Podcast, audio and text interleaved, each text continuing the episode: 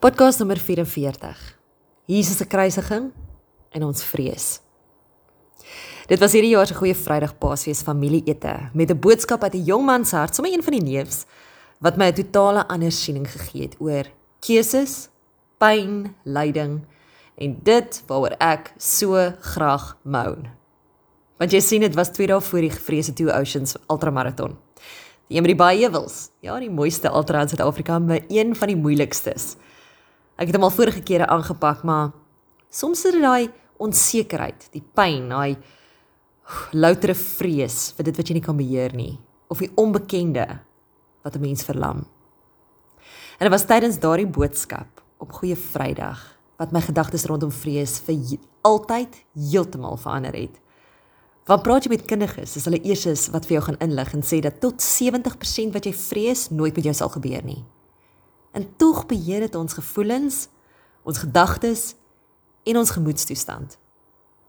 Feite. Dis wat daai jong man daardie aand vir ons deurgegee het. Feite oor die kruisiging. Dit wat Jesus moes deurgaan om vir ons 'n ewige lewe te beloof. Nie vir onsself nie, maar vir een en elkeen van ons. Dis 'n Expositors Bible Commentary geskryf deur Dr. C. Truman Davis en die verduideliking van die kruisiging wat my hart geraak het. Hy sê wat is kruisiging? Die fisiologiese proses verloop so en dan verduidelik hy.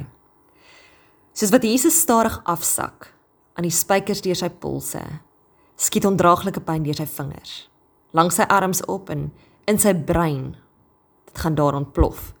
Die spykers deur sy polse plaas druk op die mediaanseunie Hy probeer homself opstoot om die skerende marteling te verlig, maar daarmee plaas hy volle gewig op die spykers deur sy voete. Hy voel weer die foltering as die spykers deur die senuwees tussen die voetbeentjies skeer. En soos sy arms moeg word, trek krampe deur die spiere en knoop hulle saam in diep genadeloose vretende pyn. Die krampe veroorsaak dat hy homself nie kan optrek om asem te haal nie. Asem kan ingetrek word, maar nie uitgeblaas word nie. Hy veg om homself op te stoot om net een klein asemteug te kry. Ure van hierdie grenslose pyn, die siklusse van wringende, skerende krampe, hierdie ononderbroke halfversmoring, skroeiende pyn, soos weefsel uit sy oopgeskeurde rug geruk word wanneer hy op en af teen die grove hout skuur. En dan begin 'n nuwe foltering.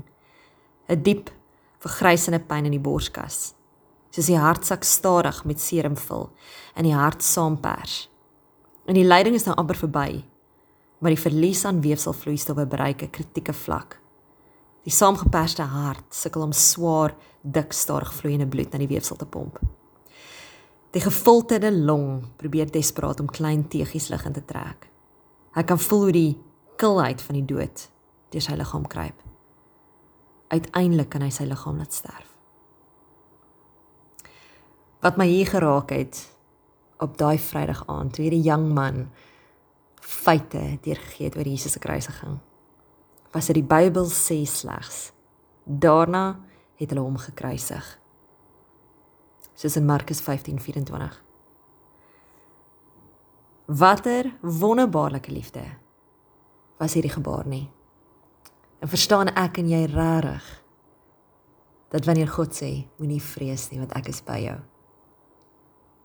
wat hy vir ons gedoen het aan daai kruis.